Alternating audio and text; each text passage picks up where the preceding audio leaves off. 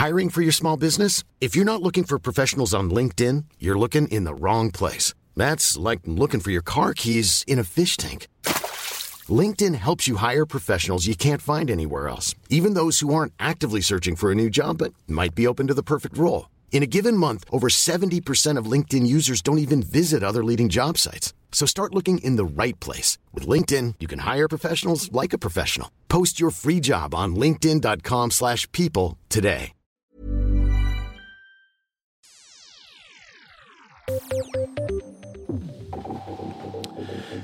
NRK lanserte nylig dokumentarserien Porno 2022, men ikke alle har latt seg tenne. Rådgivere i Light Up Norway, som jobber mot menneskehandel, mener at serien rulles ut fra et farlig utgangspunkt, og at den ikke i tilstrekkelig grad konfronterer pornoindustriens bakside. Nå krever de at politikere og andre stepper opp, og spørsmålet er burde internettpornoen reguleres mer? Stortingskomiteen ønsker stemmerett for 16-åringer. Generalsekretær Birgitte Lange i Redd Barna mener det er en god idé. Hun skriver at det nå er viktig at politikerne på Stortinget benytter denne historiske sjansen til å utvide det norske demokratiet, og at 16- og 17-åringene endelig burde få reell innflytelse. Men er det en god idé? Martin Jakob Christoffersen skriver i Subjekt at vi må ta debatten om å rive statuen av Karl Johan foran Slottet. Stemmer som tidligere har vært kritiske til statueriving av f.eks. Holberg og Churchill, viser seg i denne omgang å være mer positive til å rive mannen på hesten foran Slottet. Vi tar debatten. Burde vi rive Karl Johan? Du hører på Etikk og estetikk, presentert av Hedvig Boligforsikring. Podkasten er tilbake i sin tredje sesong og sjette episode. Produsent er Adrian Eriksen, researcher Peter André Hegg og programleder det er meg, Danby Choi. Vi skal straks introdusere dagens panel, men først noen ord fra våre annonsører. Visste du at Hedvig er 100 digitalt? Med forsikringsappen Hedvig får du empatisk behandling av ditt personlige serviceteam alt ved dine fingertupper. Meld din skade og få saken løst på minutter i Hedvig-appen.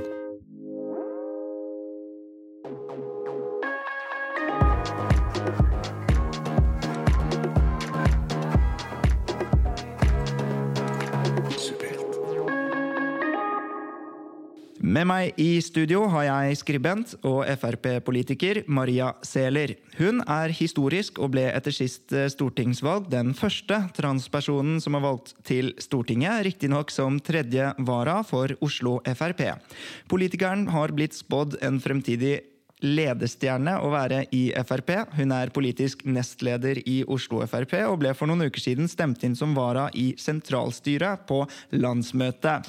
Det high-fives allerede, men vi er ikke ferdig, fordi at hun skulle havne på høyresiden, mener hun nok var skrevet i stjernene grunnet hennes borgerlige familie. Hun har vært innmeldt i Unge Høyre, før hun i 2019 meldte seg inn i Frp. I tillegg til å være politiker er hun også vaktsjef og skribent for det kontroversielle nettstedet Resett. Hun har også studert statsvitenskap ved Høgskolen i Østfold. Velkommen til deg, Maria Sæler. Tusen takk. Veldig hyggelig å endelig få tid til å komme. Du, jeg syns det er så gøy at den første transpersonen på, eller på vei til Stortinget, er liksom fra Frp. Ja. Um, det går liksom ikke helt opp tror jeg, for folk. Det er et slags paradoks. Hva tenker du om det?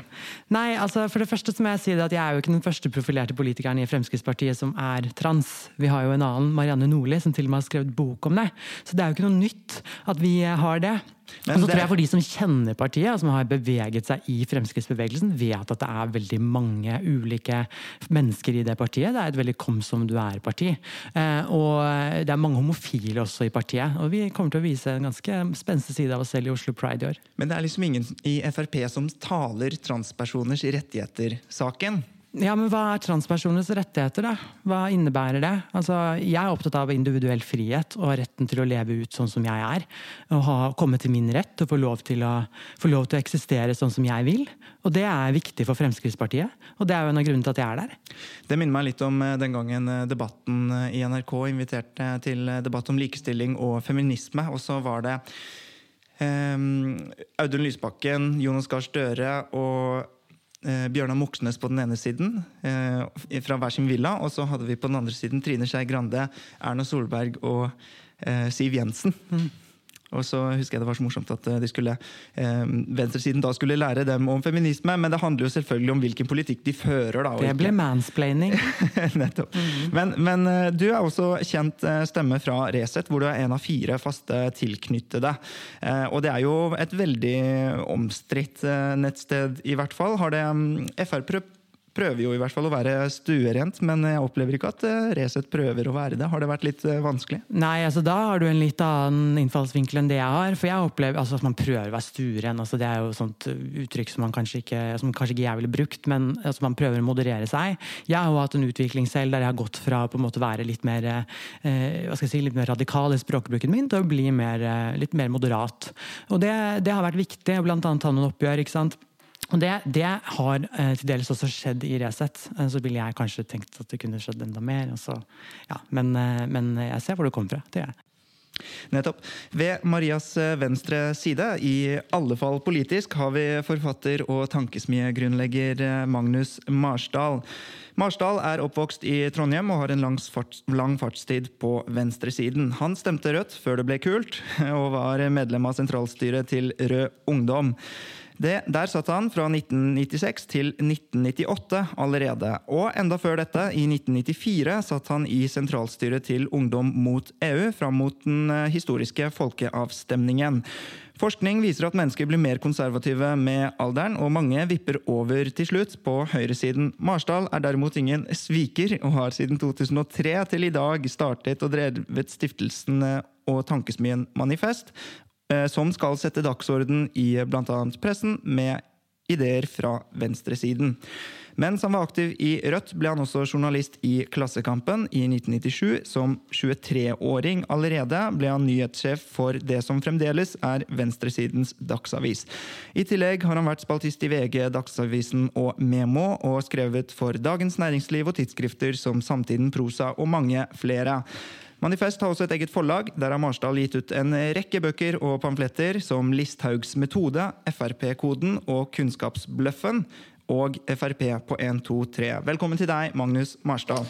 Tusen takk. Veldig fint å få være her. Også. Det, det er et godt selskap.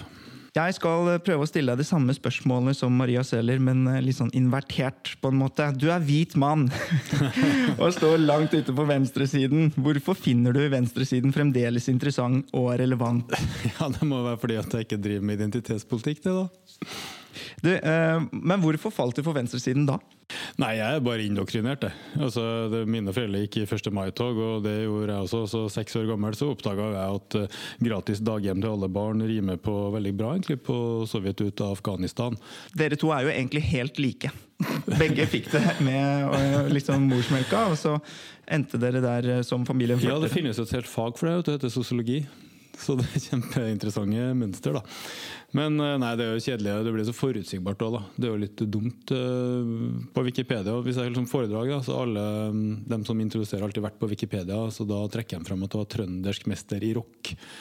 Uh, og det var sammen med Magnus Reitan, uh, arving i Reitan-konsernet. Riktignok så det er kanskje ikke en konsernstruktur, men riktignok så het han Kjellis den gangen. Okay. Han het egentlig Kjell Magnus, vet du. Men uh, han har gått over til å kalle seg bare Magnus. Det er jo sånn sett bra, men sannheten er at han heter Kjellis. Da. Skjønner. Du, eh, hva er eh, venstresidens viktigste sak akkurat nå?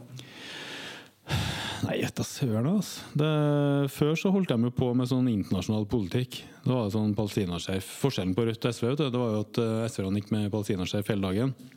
Og i Rødt så hadde de på seg om natta også. De kan ikke svikte Palestinas kamp bare fordi det er natt i Norge. Liksom. Kanskje de dusja til og med. Men de har jo fått av seg det skjerfet. Så nå driver de jo med sånne arbeidsliv, sosial dumping, strømprisen, vanlige folk-opplegg. da. Eh, så det er ikke godt å si hva som er den viktigste saken mer, egentlig.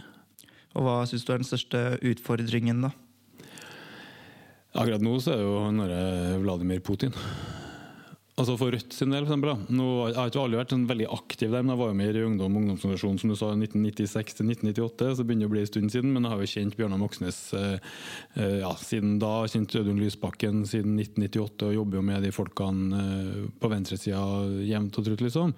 Og klart For Rødt sin del og SV så er det kanskje bra det at Putin holder opp strømprisen. men, eh, men, bortsett fra det så er det jo helt forferdelig for, eh, for Europa, for ukrainerne, men også for ei venstreside som i Norge, da, som, som, eh, er mot Nato. Og med gode grunner, hvis du tenker på rettferdighet globalt. Men det er altså den sikkerhetsalliansen Norge har. Og det merker jo folk nå. At uten det der så er liksom Vi har ingen i ryggen. Og med en sånn nabo som Russland så føles jo ikke det trygt. Eh, så det er jo et kjempeproblem for både Rødt og SV. Du skal ha knukket eh, Frp-koden. Hva er egentlig greia med Frp og de som stemmer dette partiet? Nei, En konklusjon i den boka fra 2007 var jo at det er et radikalt folkelig høyreparti som ikke møtes av et radikalt folkelig venstreparti.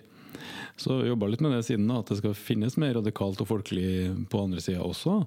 Eh, men en annet svar er jo at det er mange partier partier i den familien gjør, sånn, enten de er i Nederland, eller Italia eller i Frankrike, det er at de tar en masse forskjellige grupper sine misnøyer og får dem inn på én akse. Så du kan ta en forretningsmann som er lei å betale for mye skatt, en minstepensjonist som er lei å få for lite minstepensjon, eh, eller en håndverker som er lei av at eh, polakkene undergraver lønna. Så det er veldig ulike grupper, eller ulike interesser. Ta alle deres grievances, som heter på engelsk, og få dem inn på én akse, som er kampen mellom det nasjonale og det fremmede at det alltid er noe som kommer utenfra, ovenfra. De, de, der som kommer utenfra, eller det der som kommer fra EU, som er typisk i, i mange land, at de også har blitt veldig anti-EU. ikke sant? Så du får de her gruppene kitta sammen i én fortelling, som handler om at det er noe der ute som, eh, som truer oss. da. Det var veldig komplisert. Er du enig, Seller? Uh, nei, jeg er ikke enig i det. Jeg syns det blir litt sånn rart når noen som er på ytterste venstre skal forklare hvordan Fremskrittspartiet er. Jeg vet ikke hvorvidt uh, hvorvidt han har bevandret partiet. hvordan han har, eh, altså Jeg ser på Fremskrittspartiet som et veldig sammensatt parti. og Jeg tror ikke man har fulgt veldig nøye med på partiet i det siste hvis man tror at vi koker alt ned til liksom, globalisme versus nationalism. Liksom. Altså, vi, er et, vi er et helt annet sted nå. Nå handler det ikke om det lenger. Innvandring er ikke den store saken for oss lenger.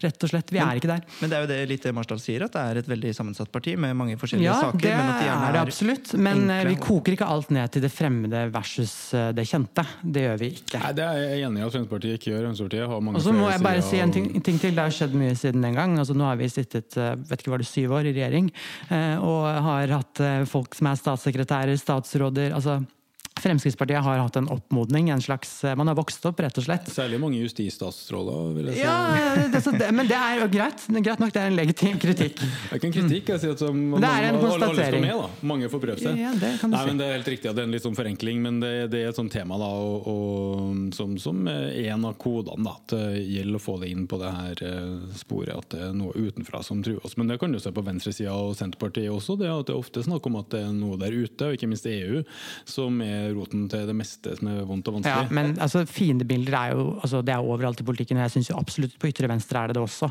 For da har man også en tendens til veldig peke ut høyresiden og folk på borgerlig side som onde, skadelige nazister, rasister altså Jeg vet ikke hva.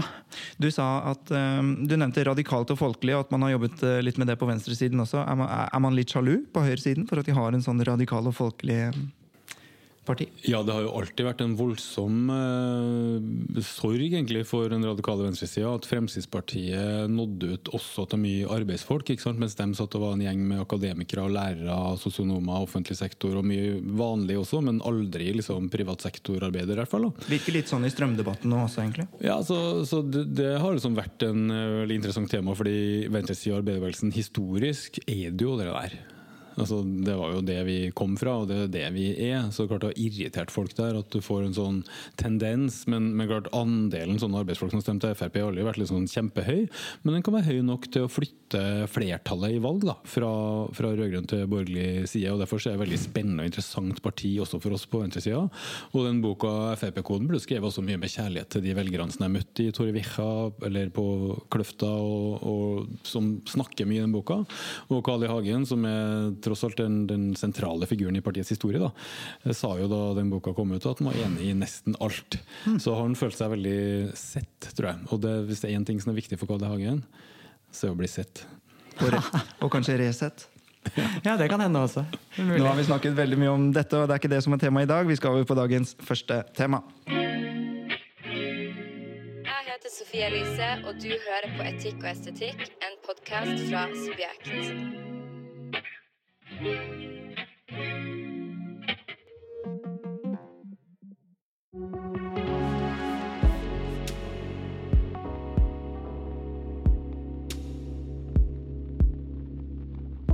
lanserte nylig dokumentarserien Porno 2022, men ikke alle lar seg tenne. Rådgivere i Light Up Norway, som jobber mot menneskehandel, mener at serien rulles ut fra et farlig utgangspunkt, og at den ikke i tilstrekkelig grad konfronterer pornoindustriens bakside. Nå krever de at politikere og andre stepper opp, eller skal man si reiser seg. Burde internettpornoen reguleres mer, Maria Seler? Ja, Der spør du vanskelig. Jeg vil si nja. Ja. Det får du lov å si én gang. Hva mener du, Marsdal? Jeg går på nja Jeg fryktet at dette kom til å bli en sånn Ja. hestesko, eh, faktisk. Fordi vi er veldig, veldig, Det burde ha vært det, men er det mulig? Ja, vi kommer Ja, tilbake til det, er. Sæler. Eh, Du er jo en liberalist, er du ikke? Hvorfor, Jo da, hvorfor, er- hvorfor er du sånn i tvil over dette? Jo, men altså, du må huske på det at altså, eh, liberalist, eh, liberalistbegrepet i Norge er jo litt sånn, igjen, litt sånn sammensatt. Altså, jeg er jo også konservativ. Eh, Jeg er konservativ liberalist. Det er konservatisme og liberalisme som på en måte utgjør grunnlaget for mine politiske meninger. Og For meg så er det naturlig å tenke med en gang at selvfølgelig skal folk få lov til å filme seg selv og ha sex. Hvis det er det man har lyst til, vær så lyst, bare gjør det. Men det er klart at det er jo mange skade det er jo et stort skadepotensial ved nettporno, for eksempel, der man ser jo at, at eh, svært unge mennesker har tilgang på bare kan slå det opp på telefonen sin og se nesten alt mulig rart. Og det er eh, negative holdninger til kvinner. Det er en rekke problemer som gjør at jeg vil si at jeg er jeg på en måte skeptisk til å gå inn og regulere for mye. Jeg kunne aldri tenkt meg å forby det. Men jeg er åpen for det, men da må man konkretisere nærmere hvilke reguleringer som da eventuelt er aktuelle. Så kan man ta stilling til det da. Hva slags reguleringer kunne det vært? Nei, jeg aner ikke.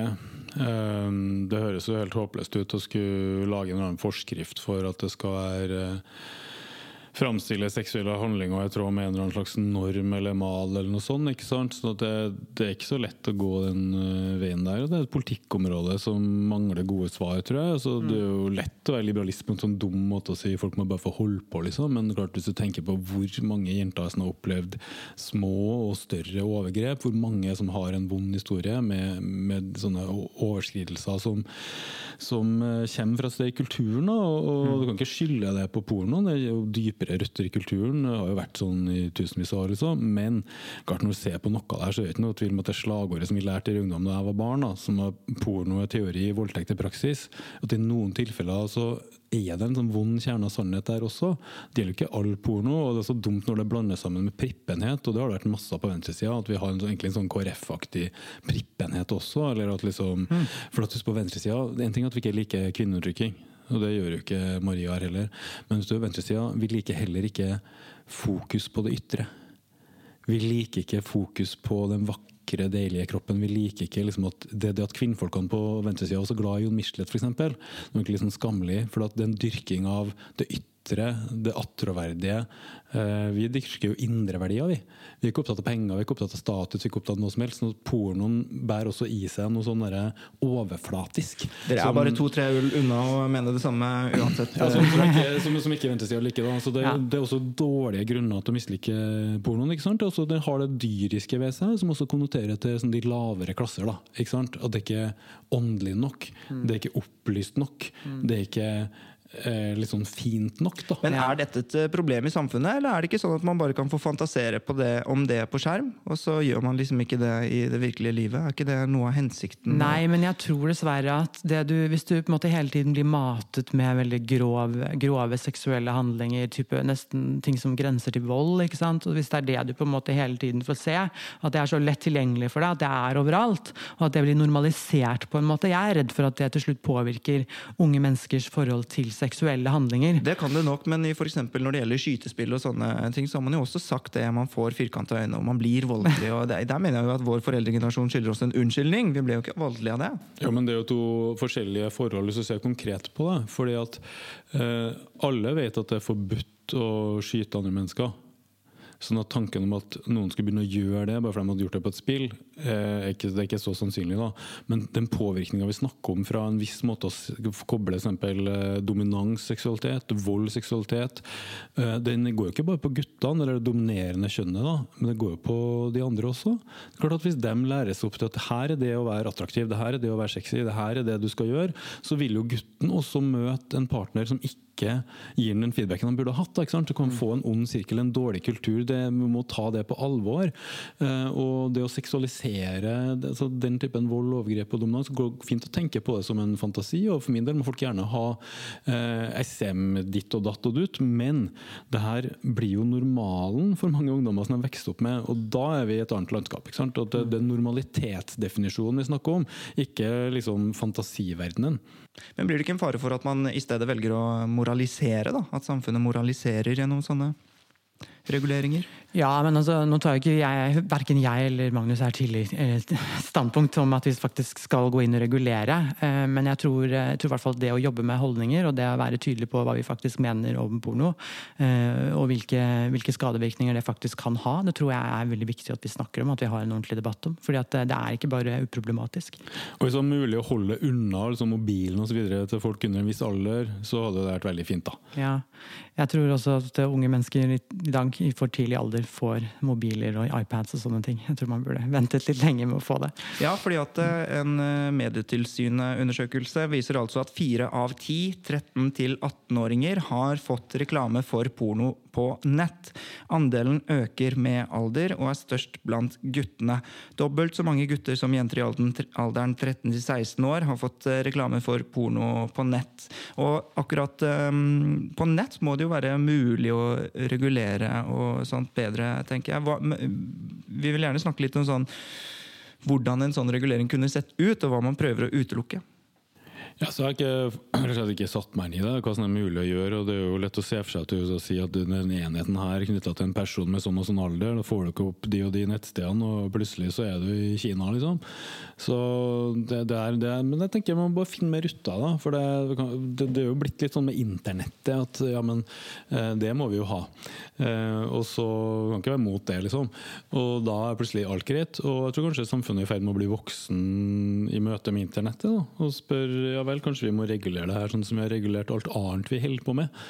Så, ja. I, um, I, andre land, bl.a. i Asia, så har man jo begrenset det rett og slett bare ved at man ikke kommer inn på disse nettsidene. og så, så fort man kommer over det, altså myndighetene, så bare blokkerer de nettsidene. Men det vil jo også være veldig kvelende da, for folk som har lyst til å scrolle ja, rundt. Altså, det man også må huske på, det er at det er ikke all porno som er skadelig. Det er Nettopp. ikke all porno som fremstiller kvinner dårlig. Det fins jo faktisk en del porno som er som man sier på engelsk, empowering for kvinner. Eh, og det blir jo merkelig at man på en måte skal altså, forby det. Ja, og, og, hvis det er sånn at uh, folks etterspørsel bestemmer dette, da, så burde man jo kanskje ikke forby det, men uh, lage en kultur. Ja, men altså, det kunne jo gått det med en som du sier, da, at uh, myndighetene sørger for at innenfor et visst geografisk område så kommer du ikke inn på visse ting. Da, og da vil du få et opplegg der en uh, pornosite må gjennom en godkjenning. Da, sånn som i gamle dager. Statens filmtilsyn uh, godkjent hvorvidt ingen skal ut på kino eller ikke. Så det kan absolutt være mulig å gå den veien der, men, men det spørsmålet er tekniske. ikke sant? Klarer du å, å gjøre det sånn? Og også hvilken presedens det setter. Er det andre ting du bare skal skal blokkere, liksom. Mm. Men det må jo gå an å ha den debatten. Det er helt greit. Det er jo vel ikke helt heldig å uh, gjøre det heller, kanskje. Det skulle i så fall vært Medietilsynet, men de har i Liberal Ånd nettopp gitt fra seg den der aldersgrensetingen. De, uh, fordi at de innrømte selv, og mente selv, at det var veldig uheldig at Medietilsynet skulle bestemme sånne regler. Ja, ja, men altså det vi snakker om nå, Problemet er at det har så store konsekvenser. ikke sant? Altså et overgrep kan jo ødelegge livet for et uh, menneske. og det, det, er forferdelig at uh, så mange av uh, våre medsøstre og andre skal leve i frykt, og at seksualitet skal knyttes til sånne ting. ikke sant? Mm. Så vi kan liksom ikke bare trekke på skuldrene av det heller. da. Men det er jo interessant at det er så lite debatt om temaet, så det er bra at Subjekt tar det opp. Yo! Det er Uge Marstein her, fra Undergrunn Klikk. Du hører på Etikk og estetikk av Subjekt. You know the shit.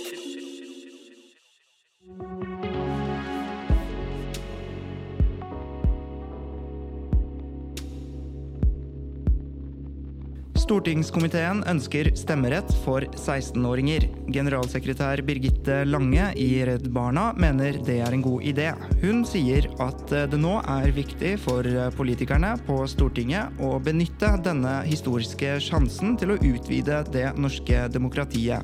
Gi 16- og 17-åringene reell innflytelse, sier hun. Men er det en god idé, Magnus Marsdal? Uh, nei. Hva tenker du, Maria Seller? Nei. Hesteskoen eh, treffer inn igjen. nå. hvorfor mener du det, Marstad? Nei, altså Hvis du ser på hvilke partier som mener hva om det spørsmålet her, så er det jevnt over sånn at dem som har mer stemmer fra yngre folk, er for 16-årings stemmerett. Og sånne pensjonistpartier som Frp eksempel, er veldig imot, da, og Senterpartiet sikkert også mot. ikke sant? Så dem tenker jo bare på seg sjøl. Mens jeg tenker jo på samfunnet, for jeg stiller ut for noe parti. Og jeg tenker liksom 16-åringene, altså dem eh, hallo. Altså Jeg syns det er ille nok at 18-åringer får stemmerett. Det begynner å bli ganske gammel gammel, så jeg tenker at nei, nei, nei. nei, nei. Du vet at de, de, de tar deg igjen altså, når de skulle vært her nå og kjefta. Men de er jo smarte folk, de òg. Og handler ikke demokrati om at selv de, de lever jo og burde jo få innflytelse på hvordan ting rundt dem fungerer? Nei, men de, Unnskyld meg. Dette er barn. De vet ikke hva som er best for dem. Altså, da jeg var 16-17 år, altså, jeg, var jo, jeg trodde jo at jeg var verdens klokeste, mest veloverveide person. Jeg var jo vitterlig ikke det. Hva tror du nå? Eh, nei, nå er jeg blitt kjempeklok og masse erfaring. og sånt. Nei, men altså, du må huske på Det det er barn. Dette er som regel eh, folk som bor hjemme, som blir forsørget av sine foreldre, som ikke, har, eh, som ikke, vet noen ting om hvordan det er å drive sin egen husholdning, sin egen økonomi. hvordan i all verden skal de ta sånne valg? Jo, men det står ikke stemmeretten i Italia til 40 år, da, og der bor de mye til 40 år. Nei, det, men det er ja, en annen altså, debatt. Ja, men der altså, må du jo ja. Men det er jo Jeg forholder meg sånn ikke til Italia. ja, Men 16-åringer er jo også deltakere i samfunnet, om så gjennom uh, under takene til sine foreldre. Jeg, jeg, forstår ikke deres prinsipielle innvending. I hvert fall ikke når jeg skal ta djevelens advokatposisjon her. Jo, men det er jo tolvåringer også, og når de har fått stemmerett, så oppdager vi at åtteåringene også er deltakere i samfunnet. Det vi snakker om her er jo ikke stemmeretten, det er myndighetsalderen og, og alderen for stemmerett i gamle dager var jo 25 år. Eh, så nei, jeg synes 18 er også, også med den infantilisering av kulturen som skjer. ikke sant? Eller går fra, Først oppdaga vi ungdomstida, sånn på 50-tallet eller når det var. ikke sant? Men så kommer jo liksom den tida mellom ungdomstid og voksentid. Så når du ser på den serien Friends, som sikkert ikke før dere ble født Nei, og, nei ikke sant? Meg, jeg, men, men det, det, er en slags evig ungdom, egentlig en slags evig barndom. ikke sant? Så om noe så burde de jo begynne å øke stemmeretten igjen. For at uh, kulturen er så infantiliserende, at folk venter så lenge med å bli voksne ansvarlige. Som I gamle dager var det jo voksne og måtte forsørge deg da du ble konfirmert. ikke sant? Eh, det er jo ikke sånn lenger. Så jeg tenker det er feil vei å gå, selv om selvsagt venstresida, som jeg stemmer på, ville ha tjent på det. da, fordi eh, de 16-åringene som gidder å stemme, er akkurat de samme typene som sitter og rekker opp hånda i samfunnsfagtimen og har lærere som er, nei, foreldre som er professor og lærer og stemmer SV og sånn. Men på den annen mm. side så er det jo også sånn at man blir voksnere litt tidligere i dag. Altså, informasjonsflyten er jo så enorm, og kildene er så mange, og alle har tilgang til internett. Og jeg tror de er smarte nok til å gjøre et aktivt valg. Det er forskjell på smarthet og klokskap.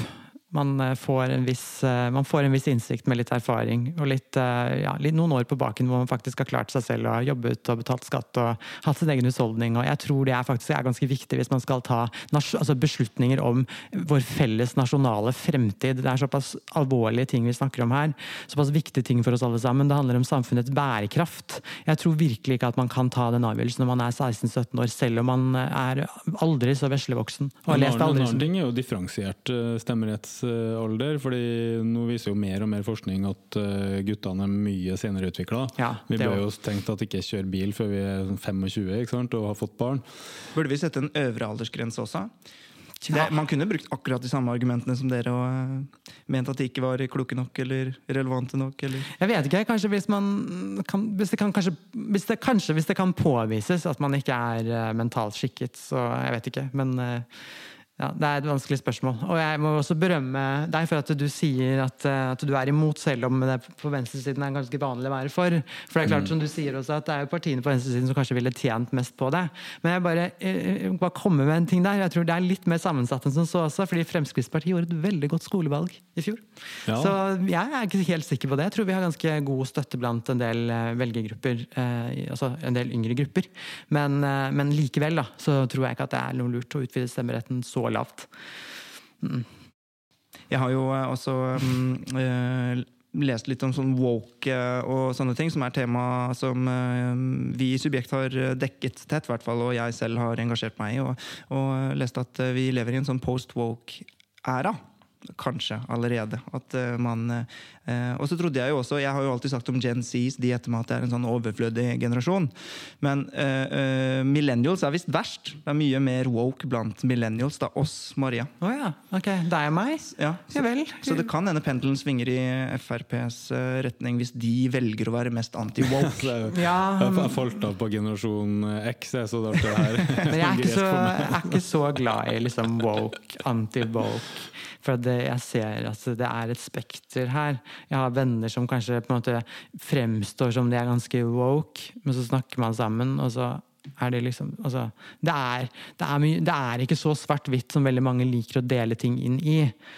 Jo, men 16-åringer er ganske woke. Ja, nei, jeg vet ikke. Det, er, det, det skal i hvert fall være um bind og tamponger på begge toalettene på videregående. ja, ok. Ja vel. Ja, da vet jeg ikke helt hva jeg skal si om. Veldig bra.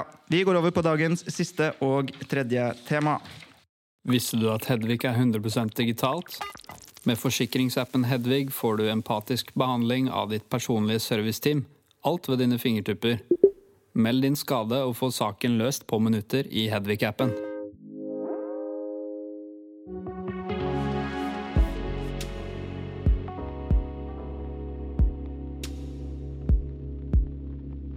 Martin Jakob Christoffersen skriver i Subjekt at vi må ta debatten om å rive statuen av Karl Johan foran Slottet. Stemmer som tidligere har vært kritiske til statueriving f.eks. av Holberg og Churchill, viser seg i denne omgang å være mer positive til å rive mannen på hesten foran Slottet. Vi tar debatten og spør burde vi rive Karl Johan, Maria Seler? Nei. Hva tenker du? Magnus ja, Ned, ned med den. Få det vekk. Mener du virkelig det? Eh, ja, det er ikke noen kampsak for meg, men hvis jeg får spørsmålet hvis jeg må avgjøre, da, skal han stå her eller ikke, så tenker jeg at han skal bort. Og hvorfor eh, tenker du nei? Nei, altså, Jeg ser ikke helt poenget med å bruke ressurser og tid på å ta ned en statue som har stått der altså, så lenge. som har stått. Operaen, eller ja, vi river flytter Nasjonalgalleriet, Nationaltheatret, Operaen Det er ingenting som ikke flytter inn i Oslo for å holde opp økonomien. Så kan du ha råd til å flytte, fjerne en statue. da. Jo, jo, nei, altså, det, er ikke, det er ikke ressursbruken nødvendigvis. Jeg bare ser ikke helt poenget med å gjøre det. Altså, ja vel, greit, han kanskje, han kanskje ikke likte 17. mai, men altså, da, hva er vel bedre da enn at vi gnir det inn i trynet hans på 17. mai med norske flagg og barn som går i parade. Jeg tenker at det er helt uh, fair. Og så syns jeg også det at altså, Hva er det vi da altså, Det jeg er redd for, det er hva kommer vi til å erstatte den statuen med? For at uh, dessverre, mange av de tingene som bygges i dag, av monumenter og arkitektur, og sånn, er jo ikke pent i det hele tatt. Så jeg er veldig redd for, hvis man tar det ned, at man erstatter det med et eller annet sånn dildo eller et eller annet sånt. Nei, veldig skeptisk. Du eh, nevner at eh, du kan være for i hvert fall å rive Karl Johan. Hva tenker du at den eventuelt skulle blitt erstattet med? Nei, jeg vet da søren. Altså, kanskje ikke en sånn uh, dildo, men la oss se litt nærmere på fenomenet. Da. De fleste europeiske hovedstader har rytterstatuer overalt. Jeg tror Norge som nasjon har én. Den står der ja, det er fint at vi har én! av et slott som vi har fått. Og han er et veldig godt symbol på den nominelle hovedstaden i Norge. Fordi den har aldri leda den norske nasjon. Det som binder det norske folk sammen, det vet jo alle, er jo hatet mot uh, Oslo. Og i 1905, da, da vi Sånn er det jo alle land. Unnskyld. ja, nei, men det er ikke samme. Skjønner. Da vi endelig ble frigjort fra koloniveldet i 1905, da, så gikk jo flagga til topps over hele landet, bortsett fra ett sted, som var på Universitetet i Oslo. De likte det ikke. Og den hovedstaden her har jo alltid foretrukket å sole seg i liksom glansen av utenlandske ballsaler, København Stockholm, Brussel og sånn, heller enn å møte sin egen bondebefolkning på flatmark. da.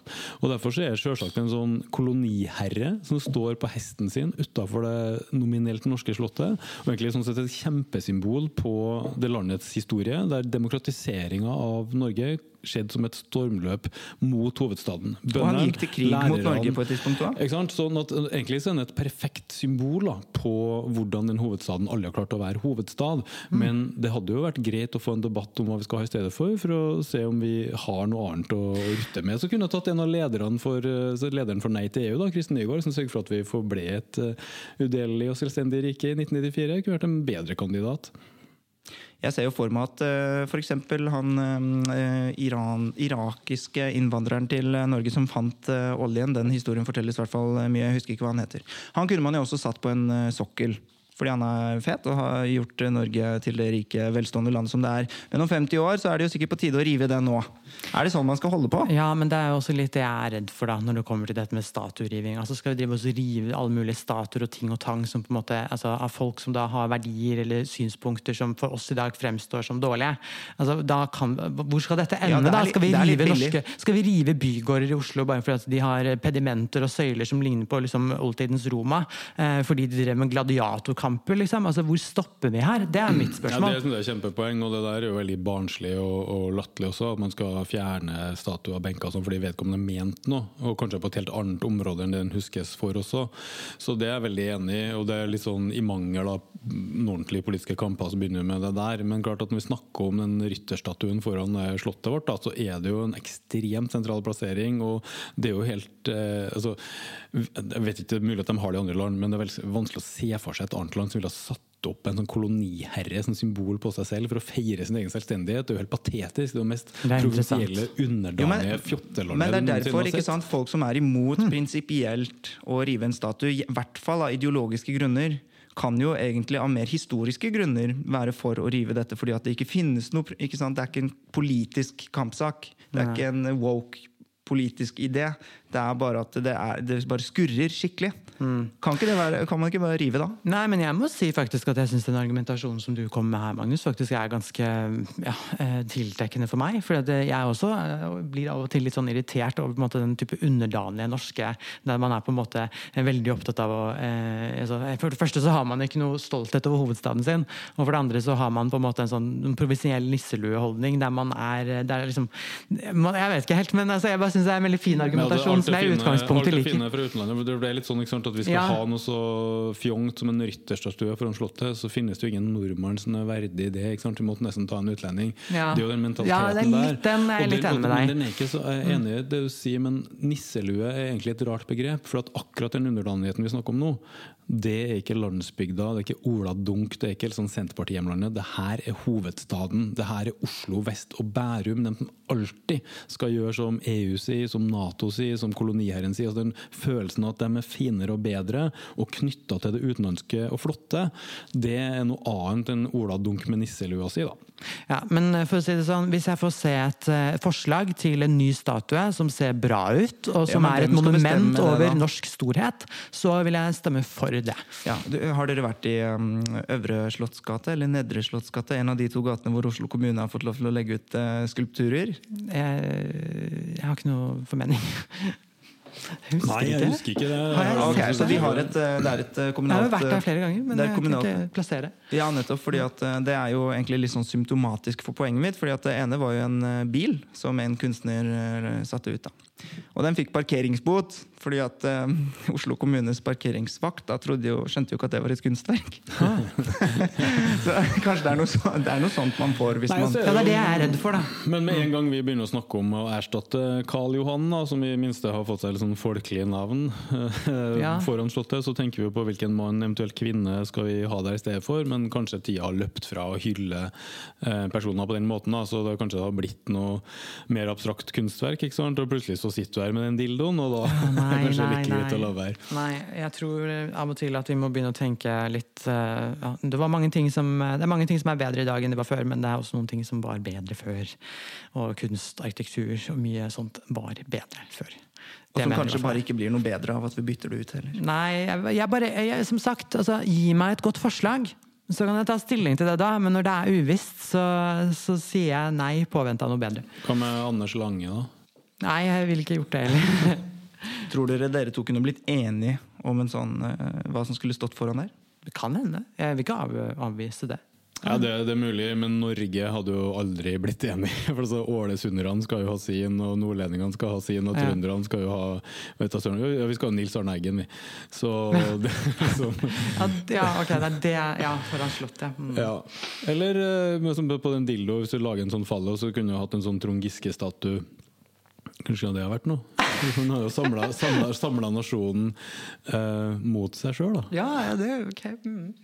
Å ja, ok. Da- Men, men helt seriøst, da. Hvis dere skulle lagt eh, en på sokkel, satt en på sokkel der eh, oppe. Um, ja Ja, Nå spør du vanskelig. Kåre Willoch? Ja, nei, Jeg hadde nok antageligvis eh, endt opp med grunnleggeren av den første demokratiske massebevegelsen i Norge, som faktisk har en liten eh, statue i hjemstrakten sin i Drammen, eh, Markus Trane. Den demokratiske frihetens pioner, som kjempa for allmenn stemmerett. Ble dømt i Høyesterett fire år i fengsel og sona sju av dem. Han burde huskes mer enn han gjør, så han hadde i hvert fall jeg blitt enig om at vi kunne sett foranslått det. Mm. Ja.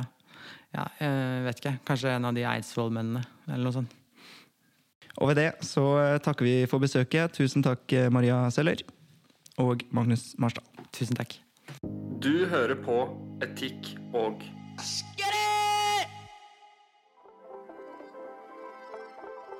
I tillegg til eh, våre gjester, tusen takk til forsikringsappen Hedvig for å presentere podkasten Etikk og estetikk, og til eh, stiftelsen Fritt Ord, som har eh, muliggjort denne podkasten. Følg eh, Subjekt eh, der det er mulig å følge oss, på Facebook og på Instagram. Og Etikk og estetikk har jo som kjent en eh, egen debattgruppe med nærmere 3000 medlemmer på Facebook. Den heter Etikk og estetikk. Så om du ikke er medlem i den gruppen fra før av, så anbefaler jeg deg å bli medlem der, for der tas det opp temaer som interesserer subjekt generelt, men særlig da podkasten Etikk og estetikk spesielt. Hvis du likte podkasten, så håper jeg at du kan stjernerangere oss um, i uh, de plattformer som tilbyr det, enten det er Spotify, Apple Podcaster, Soundcloud eller andre tilsvarende podkastplattformer der du hører på oss akkurat nå. Og med det så har jeg lyst til å takke for følget. Mitt navn det er Danby Choi, så poddes vi om en uke, også da med et stjernespekket lag av gjester.